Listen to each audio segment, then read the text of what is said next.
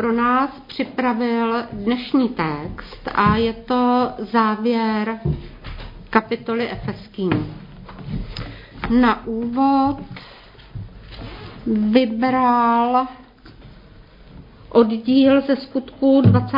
kapitoly, 17. až 38. verš. Ten text, který je tady v záhlaví, víte, že jsem vám nezamlčel nic, co by vám bylo k prospěchu. Všechno jsem vám řekl, když jsem vás učil ve schromáždění i v rodinách. Naléhal jsem na židy i řeky a vyzýval je, aby se obrátili k Bohu a uvěřili v našeho Pána Ježíše Krista. Dávejte pozor na sebe, na sebe i na celé stádo, ve kterém si vás Duch Svatý ustanovil za strážce, abyste byli pastýři Boží církve, kterou si Bůh získal krví vlastního syna. Je to část toho oddílu 17 až 38 vybrané verše. Je zajímavé sledovat souvislosti informací o efeském sboru a o vztahu apoštola Pavla k efeským z knihy skutků a z dopisu do Efezu. Za prvé, zbor se stával z židů a řeků, Oběma skupinám bylo zvěstováno tajemství Evangelia o boží milosti v Ježíši Kristu. A poštol nepochyboval o tom, že evangelium je univerzální zvěstí pro všechny, včetně pro židy. A odkazuje nás na Římanům 9. až 11. kapitolu.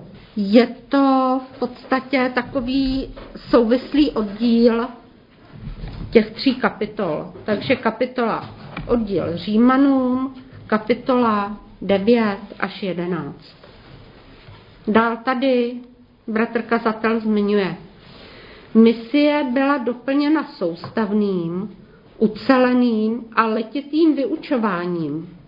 A poštol nic nezamlčel a předal celou boží vůli, plán, což znamená že evangelizace nikdy nekončí pouhým přivedením lidí k víře. A tady máme několik oddílů. Nejdřív Efeským první kapitola, jedenáctý verš a následující. On je ten, v němž se nám od Boha, jenž všechno působí rozhodnutím své vůle, dostalo podílu na předem daném poslání, abychom my, kteří jsme na Krista upnuli svou naději, stali se chválou jeho slávy. A pak je tady oddíl ze skutků 18. kapitola, 11. verš. A tak tam Pavel zůstal jeden a půl roku a učil je božímu slovu což znamená nejenom přivedení k víře, ale to soustavné vyučování. Za další, součástí živé víry v Krista je také trvalý duchovní zápas, protože evangelium bylo vždy provokující a vymezující se proti zlu. Duchovní mocnosti se vymezují proti Kristu a i z prostřed církve přichází odpor. Součástí křesťanského vyučování bylo vždy i upozornění na cestu kříže. A tady máme oddíl ze skutků 14. kapitola, 22. verš. Všude tam posilovali učedníky a povzbuzovali je, aby vytrvali ve víře. Říkali jim, Musíme projít mnohým utrpením, než vejdeme do Božího království. V Novém zákoně máme dva dopisy do Efezu, Pavlův a Janův ve zjevení. Oba jsou svědectvím o tom, že misí, založením sboru a položením pevných základů není církev a sbor u konce. Práce v církvi je vždy otevřená, nedokončená a ne ve všem jistá, pokud po druhé nepřijde pán církve. Myslela jsem si, že ten oddíl ze zjevení bychom si mohli teď přečíst, ale pak jsem zjistila, že vlastně ten oddíl má bratr kazatel daný na závěr té dnešní biblické hodiny, takže vlastně si ho přečteme až na závěr. Nyní jsme na konci Pavlovy epištoly, která končí výzvou k modlitbám, povzbuzením a požehnáním. Takže jako první tady rozvádí bratr kazatel ten motiv nebo tu důležitost modlitby. Takže to je oddíl Efeským, šestá kapitola, kapitola od 18. do 20. verše. V každém čas, v každý, v každý čas se v duchu svaté modlete a prosté, Viděte na modlitbách a vytrvale se přimlouvejte za všechny bratry i za mne, aby mi bylo dáno pravé slovo, kdykoliv promluvím tak budu moci směle oznamovat tajemství Evangelia, jehož jsem vyslancem i v okovech, a svobodně zvěstovat, jak mi bylo uloženo. Po všem, co Efeští prožili, čím prošli a po všem, co si nyní přečetli, jsou vyzváni k tomu, aby se modlili. Zdá se, že modlitba je největší silou a zároveň slabostí církve neboť na modlitbu se snadno zapomíná, anebo se modlitba snadno zvrhne v povinný a tím vyprázdněný náboženský úkon. Jak tomu čelit? Dvě podstatné informace obsahuje apoštolská výzva.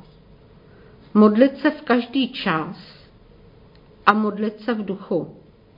Už v páté kapitole, kapitole jsme četli o tom, že máme trvale vykupovat čas, kde bylo užito téhož slova kairos, což znamená čas, okamžik, daný časový úsek, doba, příležitost, lhůta. Řekli jsme si, že nyní v čase po Kristu je trvale čas příhodný obrátit se k Bohu. Něco dobrého pro Pána Boha udělat. Křesťan vykupuje čas uprostřed zlých dnů. Tady je odkaz Efeským 5, 16. verš. Nepromarněte tento čas, neboť nastaly dny zlé. Křesťan vykupuje čas uprostřed zlých dnů, především skrze vytrvalou modlitbu, což vysvětluje Pavlovu výzvu k neustálým modlitbám. Tady máme oddíl s tesalonicenským 5.16. Ale nejedná se o ledajakou modlitbu. Nejde o to, že si křesťan plní povinnost tím, že si odmodlí povinné penzum modliteb.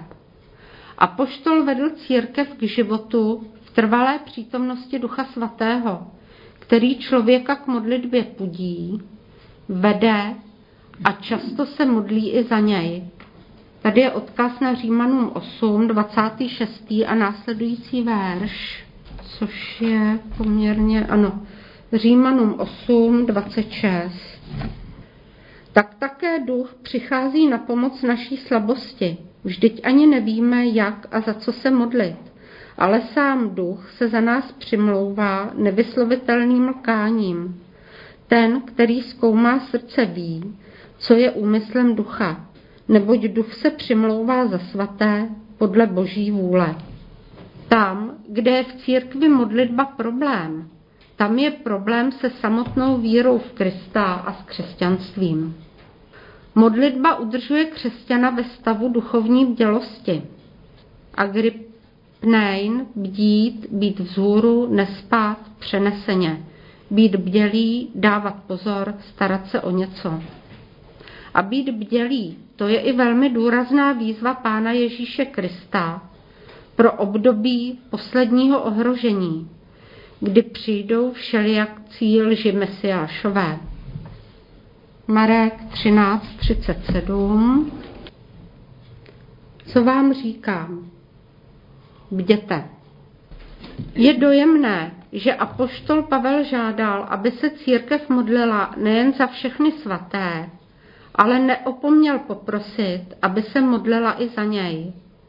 Neboť apoštol nebyl křesťanským profesionálem, který by snadno a rychle dokázal mluvit, argumentovat a hlásat pravdy boží. Možná by to i dokázal, ale nechtěl takovým být. Uvědomoval si, jak moc potřebuje, aby to byl duch svatý, který působí, že kdykoliv otevře ústa, bude mluvit nejen neohroženě, ale především bude umět v moci boží odhalovat tajemství Evangelia. Musíme si dávat pozor sami na sebe, aby naše svědectví, kázání a apolitika, obrana víry, nebyly jako prefabrikované argumenty anebo příliš snadno vytahované fráze a citáty, které jsme se zkrátka naučili používat. Důvod žádosti o modlitby spočíval ještě v jedné maličkosti, v uvozovkách. Apoštol byl uvězněn a doslova v řetězech.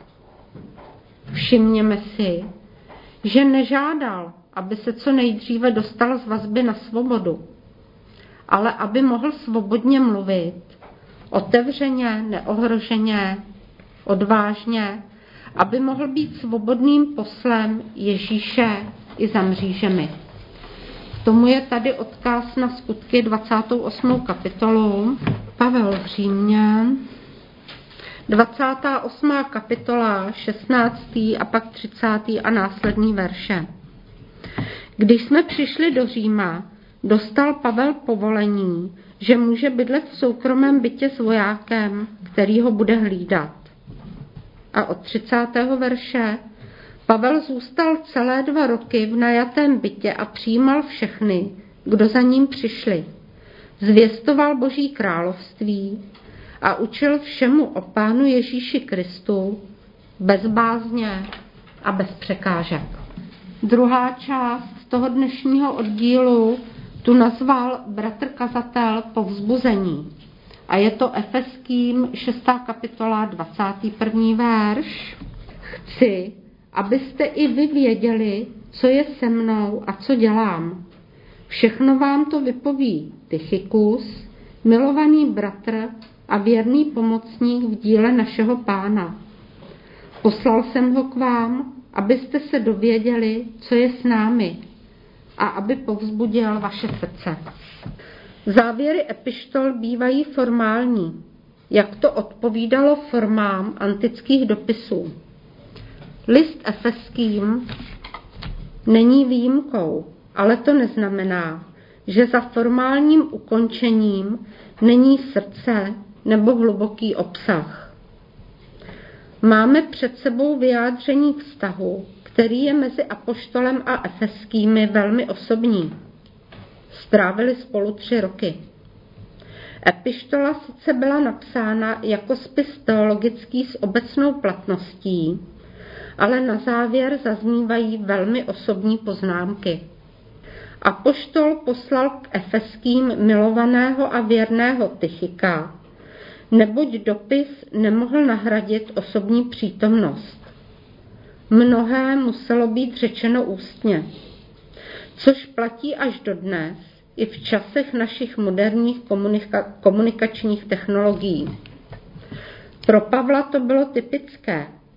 Tychikus nebyl jeho jediným vyslancem, který mu zprostředkovával osobní vztahy, když on sám nemohl udržovat vlastní přítomností. Tady je připomenutý oddíl v druhé korinským a v první tesalonicenským. Druhá korinským, sedmá kapitola, šestý až devátý verš. Ale Bůh, který těší sklíčené, potěšil i nás příchodem Titovým. A nejen jeho příchodem, ale i tím, jak jste vy ho potěšili. Vypravoval nám, jak velice po nás toužíte, jak jste byli plni lítosti a jak horlivě stojíte při mně, To mi způsobilo velkou radost. A jestliže jsem vás svým dopisem zarmoutil, už toho nelituji, i když jsem toho chvíli litoval. Vidím totiž, že vás ten dopis na čas zarmoutil, ale nyní se raduji, že jste se zarmoutili, ale že zármutek vás vedl k pokání. Byl to zármutek podle boží vůle a tak jsme vám nespůsobili žádnou škodu. A druhý oddíl je s první tesalonicenským, třetí kapitola, 1 až 5. Když jsme to již nemohli dále vydržet, rozhodli jsme se zůstat v Aténách sami a poslali jsme Timotea, Timotea, našeho bratra a božího spolupracovníka v Evangeliu Kristově, aby vás utvrdil a povzbudil ve vaší víře, aby se nikdo nedal zvyklat v těchto souženích. Neboť sami víte, že to je náš úděl. Když jsme byli u vás, předpovídali jsme vám, že na vás přijdou soužení. A to se také, jak vidíte, stalo. A tak, když jsme to již dále nemohli vydržet, poslal jsem Timotea, abych poznal vaši víru. Zdali vás snad pokušitel nesvedl, takže by naše námaha vyšla na prázdno.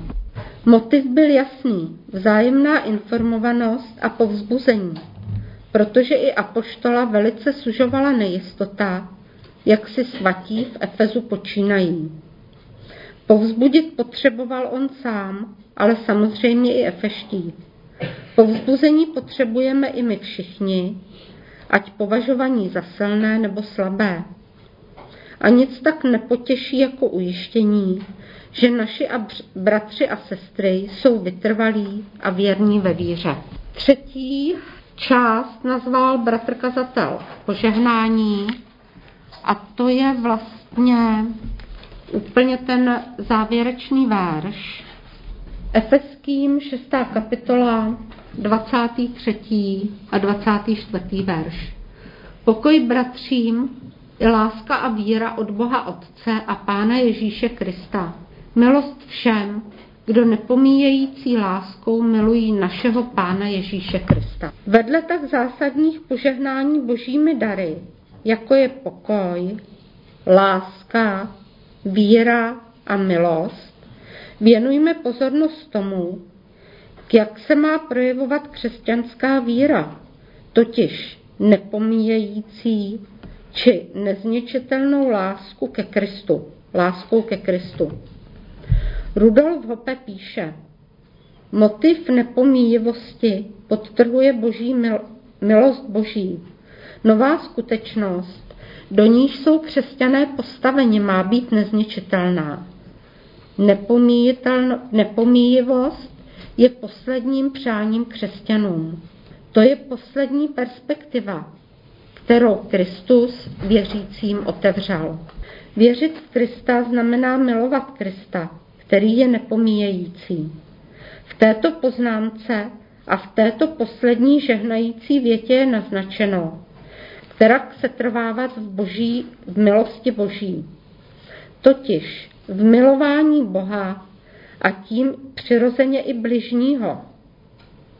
Snadno se totiž křesťanům stává, že se spokojí toliko s pravověrným vyznáním, jako by ve víře šlo především o nauku. Výzva k nezničitelnému milování Krista vrhá nové světlo i na známé slovo. Neboť tak Bůh miloval svět, že dal svého jediného syna, aby žádný, kdo v něho věří, nezahynul, ale měl život věčný. Jan 3,16 Věřit znamená milovat Krista. Tak končí Pavlova epištola do Efezu a láska je obsahem dopisu, který Efeským napsal Jan ve zjevení.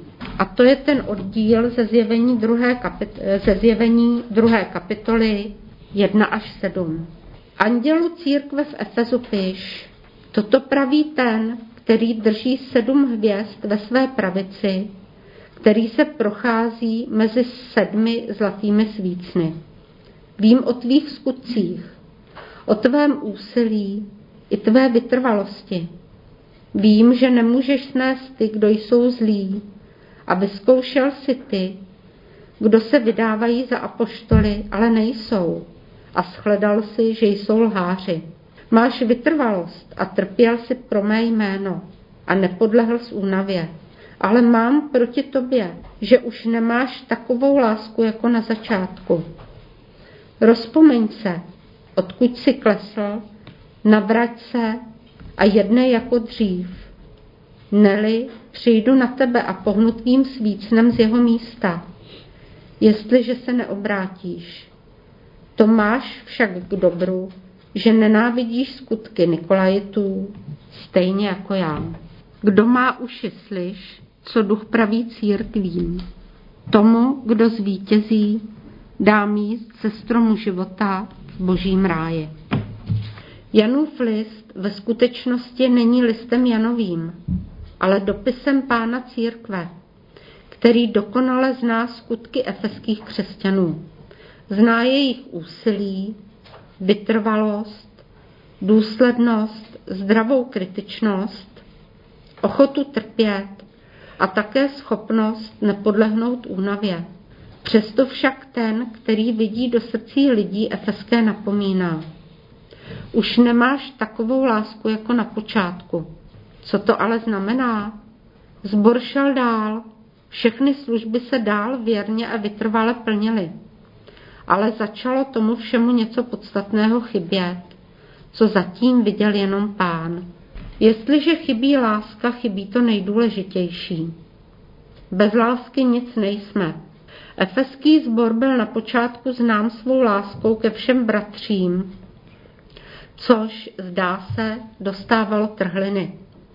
Vzdor veškeré, veškeré vytrvalosti, námaze, dřině, či moudré teologické prozíravosti, která umí nekompromisně odlišit dobro od zla a stát si na svém třeba za cenu obětí. Bez lásky to všechno ale nemá cenu. Efeský sbor je typickým vzorkem církve, který zná svou historii, s mnohým se vyrovnal a má dobrou teologii i praxi. Oproti počátkům víry má rozhodně realističtější teologii. Dokázal opustit jakou naivní představu o Kristu, církvi, víře, ale kde je nyní ona počáteční horlivost? kdy nebylo těžké myslet na nic víc než na Krista, jeho spásu, spasitelné činy a záchranu druhých. Kde je touha vyřídit dobrou zprávu každému na potkání? Kde se ztratily horlivé modlitby, ať vděčné či prozebné, za nemocné, trpící a hlavně za lidi v hříchu a smrtě ztracené? Ukazuje se, že jen dobrá teologie, jen dobrá praxe, jen statečná vytrvalost pánu církve nestačí. Zde je nutno velmi dobře slyšet, vnímat a přivlastnit si, že Kristus opravdu očekává onu nepomíjející, nezničitelnou a věčnou lásku.